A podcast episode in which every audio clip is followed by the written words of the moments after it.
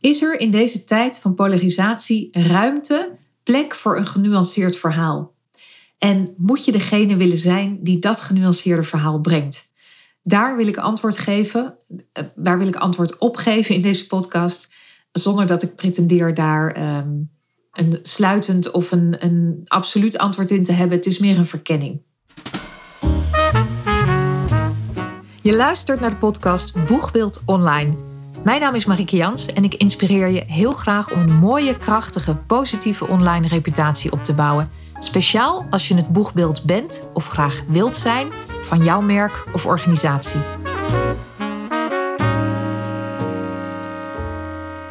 Een week of twee geleden kreeg ik een uitnodiging van een directeur in zorg. En hij stuurde er een klein berichtje bij waarin hij die vraag stelde. In deze tijd van polarisatie en van mensen die allemaal groepen die hun eigen waarheid hebben, hoeveel ruimte voor nuance is er dan? En ja, ben ik dan degene die die verhalen naar buiten brengt, die een genuanceerd verhaal kan brengen? Hij zei het niet precies in die woorden, maar het kwam er wel min of meer op neer. En het idee daarachter was ook van alles wat ik, hè, alles wat je zegt, kan elke keer verkeerd uitgelegd worden. Het kan tot discussie leiden. Het kan olie op het vuur zijn. Dus is het niet beter om je gewoon gedijst te houden? En afgelopen week zat ik naar een uitzending van Op 1 te kijken. En dat ging over de boerenprotesten. En er zat er een vrouw aan tafel die zeer fel was. Die heel erg zwart-wit was. Dus iedereen die het maar een beetje met haar oneens was, die kreeg de wind van voren. En het straalde zoveel absoluutheid uit en daarmee voor mij zoveel kilte, dat ik het moeilijk vond om te blijven kijken.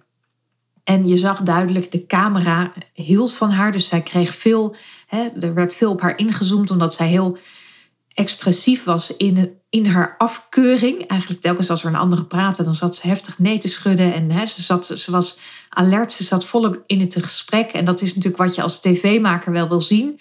Maar als kijker vond ik het ingewikkeld. Ik vond het ingewikkeld omdat elke vorm van nuance en elke vorm van elkaar vinden ontbrak.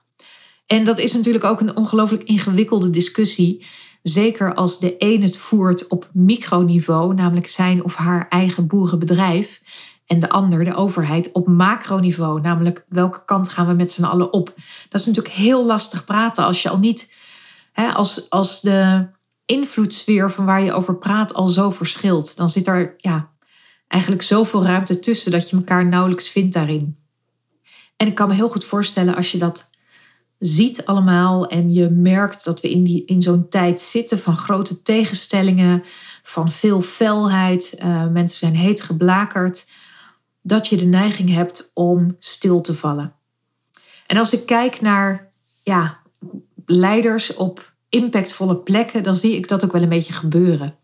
Dat je aan de ene kant denkt, ik trek me terug, ik uh, laat me gewoon niet zien, ik ben geen zichtbare leider. Of dat je alleen maar praat over het kleine stukje, het kleine gebied waar je zelf mee te maken hebt. Bijvoorbeeld een uh, onderzoeksrapport wat je publiceert, of een webinar wat je geeft, of een prijs die je wint, of iets wat je, een ander event wat je organiseert. Maar breder dan dat eigenlijk niet. Dus dat je het echt alleen maar bij je eigen punt houdt. Of bij je eigen, ja, what's happening uh, with us uh, stukje van de wereld. Andere reactie kan natuurlijk ook zijn dat je juist je heel erg laat beïnvloeden door alle reacties. Dat je overal terugreageert en dat je op die manier een plek, of eigenlijk omgaat met, die, ehm, met deze hele tijd van polarisatie. En dat zijn natuurlijk de welbekende freeze, fight, flight reacties. Die ik ook trouwens bij mezelf merkte als kijker toen ik naar, dat, uh, naar op één keek, naar die hele felle dame. Ik had de neiging om de tv uit te zetten of weg te zeppen. Ik had de neiging om me heel erg te laten triggeren door haar. Dus ook boos te worden op haar. Om haar ook in een, in een plek te zetten van jij hoort niet bij mij. Jij bent een ander soort mens. Dus het maakt van alles los, dat soort grote sterke meningen. En ik geloof dat het juist nu heel belangrijk is om als je op een impactvolle leidinggevende plek zit en een boegbeeld bent van jouw merk en in jouw markt, om het genuanceerde geluid te laten horen. Om je niet te laten verleiden tot dat zwart-wit denken of tot je terugtrekken of tot versmallen. Maar om juist het geluid wat te weinig gehoord wordt vanuit jouw expertise en vanuit jouw invloedssfeer, om dat te laten horen. En dat op een rustige manier zelf, waar je zelf in gelooft, om voor dat verhaal te gaan staan. En om elke keer ook weer terug te veren naar dat verhaal. Dus in de arena met een open vizier en een open hart, om het toch op die manier te doen. Omdat je dan niet zo bezig bent met de reacties, maar veel meer met wat wil ik toevoegen en daar je hart voor open houden. Dat is natuurlijk een ontzettende uitdaging om dat op die manier te doen. Daar word je ook continu in uitgedaagd. Maar het is zonde om, om stil te vallen, volgens mij. Ik denk dat we veel te vaak ons gedragen als de groep die langs de kant staat terwijl er iemand in het water aan het verdrinken is. Als groep kijk je dan elkaar aan en denk je, ja, maar ik, wie ben ik om dan in het water te springen? Je verwacht dat anderen dat doen. Terwijl dat als, ja, als je kijkt naar je eigen waarde, dan en, en je laat dat leidend zijn in plaats van de hele groep die om je heen staat en de context die dat heeft. Maar je, je handelt op basis van je eigen waarde. Dan zul je veel eerder beslissen dat jij natuurlijk op een of andere manier gaat helpen. Of dat nou in het water springen is of op een andere manier uh, hulp inschakelen. Maar dat je een verantwoordelijkheid hebt daar. En we denken dus veel te vaak: wie ben ik om te reageren? Of een ander doet het wel. Toen ik met mijn journalistieke opleiding begon, uh, was een uh, postdoctorale opleiding en het zat in de kelder van het Erasmus MC in Rotterdam. Er waren weinig ramen en op de eerste dag vroegen ze wie heeft er een bezwaar tegen dat er hier gerookt wordt. En roken was zeker in, uh, in de tijd dat ik die opleiding deed nog heel erg, zeg maar, het beeld van een journalist. Liefst met zware check. En we waren met twintig studenten en ik dacht, ja, als we hier maandenlang met elkaar opgesloten zitten in dit hokje en ehm, de helft of uh, drie kwart of wat het is gaat roken, dat leek me een heel slecht idee. Dus ik stak mijn vinger op.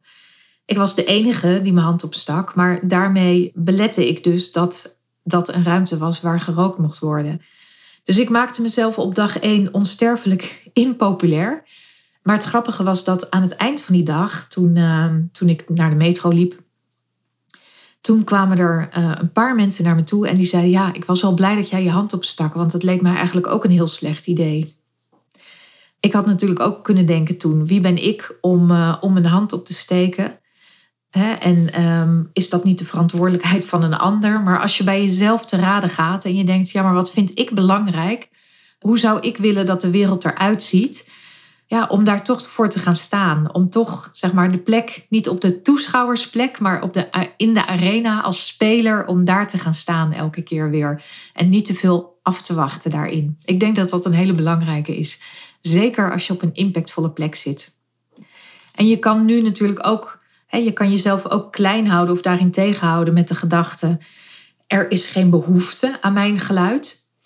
En ja, als ik eerlijk ben, ik ken heel veel mensen die heel slim zijn, die een heel genuanceerd goed wereldbeeld hebben met verstand van zaken, die je niet hoort in die, ja, ehm, op die sociale plekken, in dat sociale arena omdat ze denken, ja, er is geen behoefte aan. Of ehm, nou, dat, dat wie ben ik, maar ook er is geen behoefte aan dit geluid. Dat is er zeker wel. En ik denk dat, dat er veel meer behoefte aan is dan dat we zelf in de gaten hebben. De aanname zit er natuurlijk ook achter dat nuance tijd kost. En dat die tijd er niet is. Dat er geen plek en ruimte is voor nuance. Omdat nuance zoveel. Ja, daarvoor heb je meer tijd nodig, meer aandacht. En in het grote gevecht om de, om de aandacht moet het allemaal snel en kort. Ja, ik vind het leuk om altijd te proberen met klanten ook om te kijken van kunnen we in kleine verhalen toch een, een punt maken? Kunnen we iets groots aanraken in bijvoorbeeld een hele korte video. En ik geloof erin dat dat kan.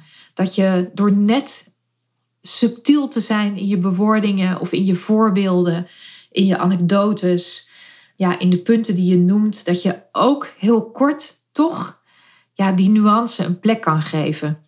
Dus ehm, ik vind het belangrijk om daarvoor te gaan staan. En uh, bovendien is internet natuurlijk een plek eigenlijk zonder regels alles wat we kunnen bedenken is daar. Dus waarom zouden we niet, waarom zou er geen ruimte zijn voor nuance? Het is wat wij er zelf van maken. Dus het is ook welk voorbeeld je zelf wil zijn daarin. En misschien vergissen we ons ook wel in die zwijgende meerderheid. Denken we dat alles polariseert, dat iedereen polariseert. Maar ik denk dat vooral de groepen met extreme meningen, dat die goed zijn in het, in het vragen en vasthouden van de aandacht. Maar dat er nog steeds een overgrote meerderheid is die van goede wil is, die een genuanceerd wereldbeeld heeft, die niet zo zwart-wit is, maar die gewoon, die je niet zo erg hoort. En voor die mensen, voor die groep, maar ook voor wat wij met z'n allen zijn, is het denk ik heel erg belangrijk om je niet terug te trekken uit die discussie als jij een, op een belangrijke plek zit, als jij op een invloedrijke plek zit. Maar om juist voor dat genuanceerde verhaal te gaan staan, om vanuit jouw kennis en expertise en vooral ook vanuit jouw bezieling een echt en genuanceerd verhaal te brengen. En om daarin te proberen om dat met een open hart en een open vizier en vanuit verbinding te doen. Waarbij het denk ik heel belangrijk is om een ander in zijn waarde te laten. En ook voor jezelf te zorgen dat anderen jou in je waarde laten. En we worden natuurlijk continu getriggerd door extreme meningen, door mensen die snel boos zijn, mensen die van alles vinden. Maar vaak zijn dat ook eendagsvliegen. He, die zijn uh, vandaag boos op uh, Pietje en morgen op Jantje.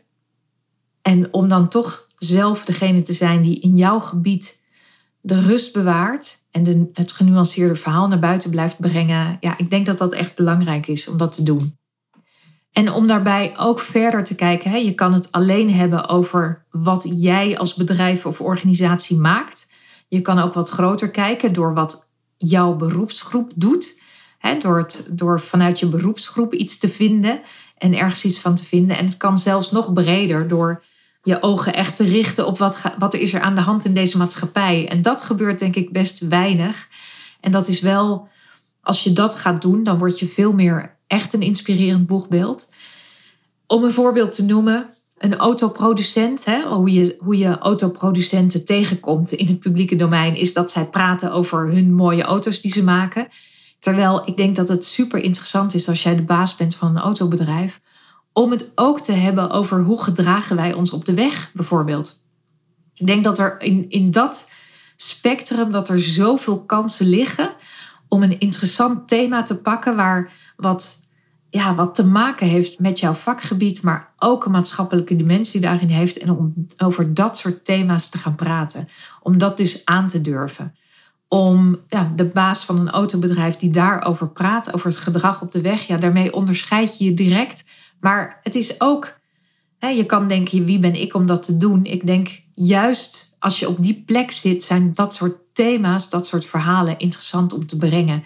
En is het kan je denken, dit is niet aan mij, dit is aan iemand anders. Of je kan denken, hé, hey, maar ik kan mijn invloed ook op die manier gebruiken. En ik kan die publieke discussie en social media ook op die manier gebruiken. En dan ben je niet een contentmaker, maar dan ben je meer een cultuurmaker. Omdat je een voorbeeld bent eh, van de cultuur die wij met z'n allen maken. En omdat jij op de plek zit om dat te doen.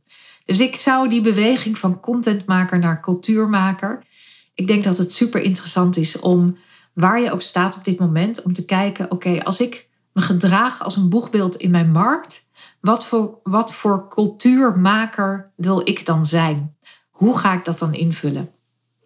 Ik ga het hierbij laten. Ik kan er nog veel meer over zeggen, maar ik denk dat het allemaal, als je het hierin samenvat, het boegbeeld zijn die niet een contentmaker is, maar een cultuurmaker. Wat betekent dat dan voor jou? Vind je het leuk om daarop te reageren? Dan ehm, vind ik dat natuurlijk heel leuk om, uh, om te horen wat dit bij je losmaakt. Of dit inspirerend is, of dit iets in gang zet. Dat kan altijd via DM op LinkedIn of Instagram. En vind je het interessant om samen met mij te gaan verkennen van wat voor soort verhalen zouden er daar dan bij horen in jouw situatie?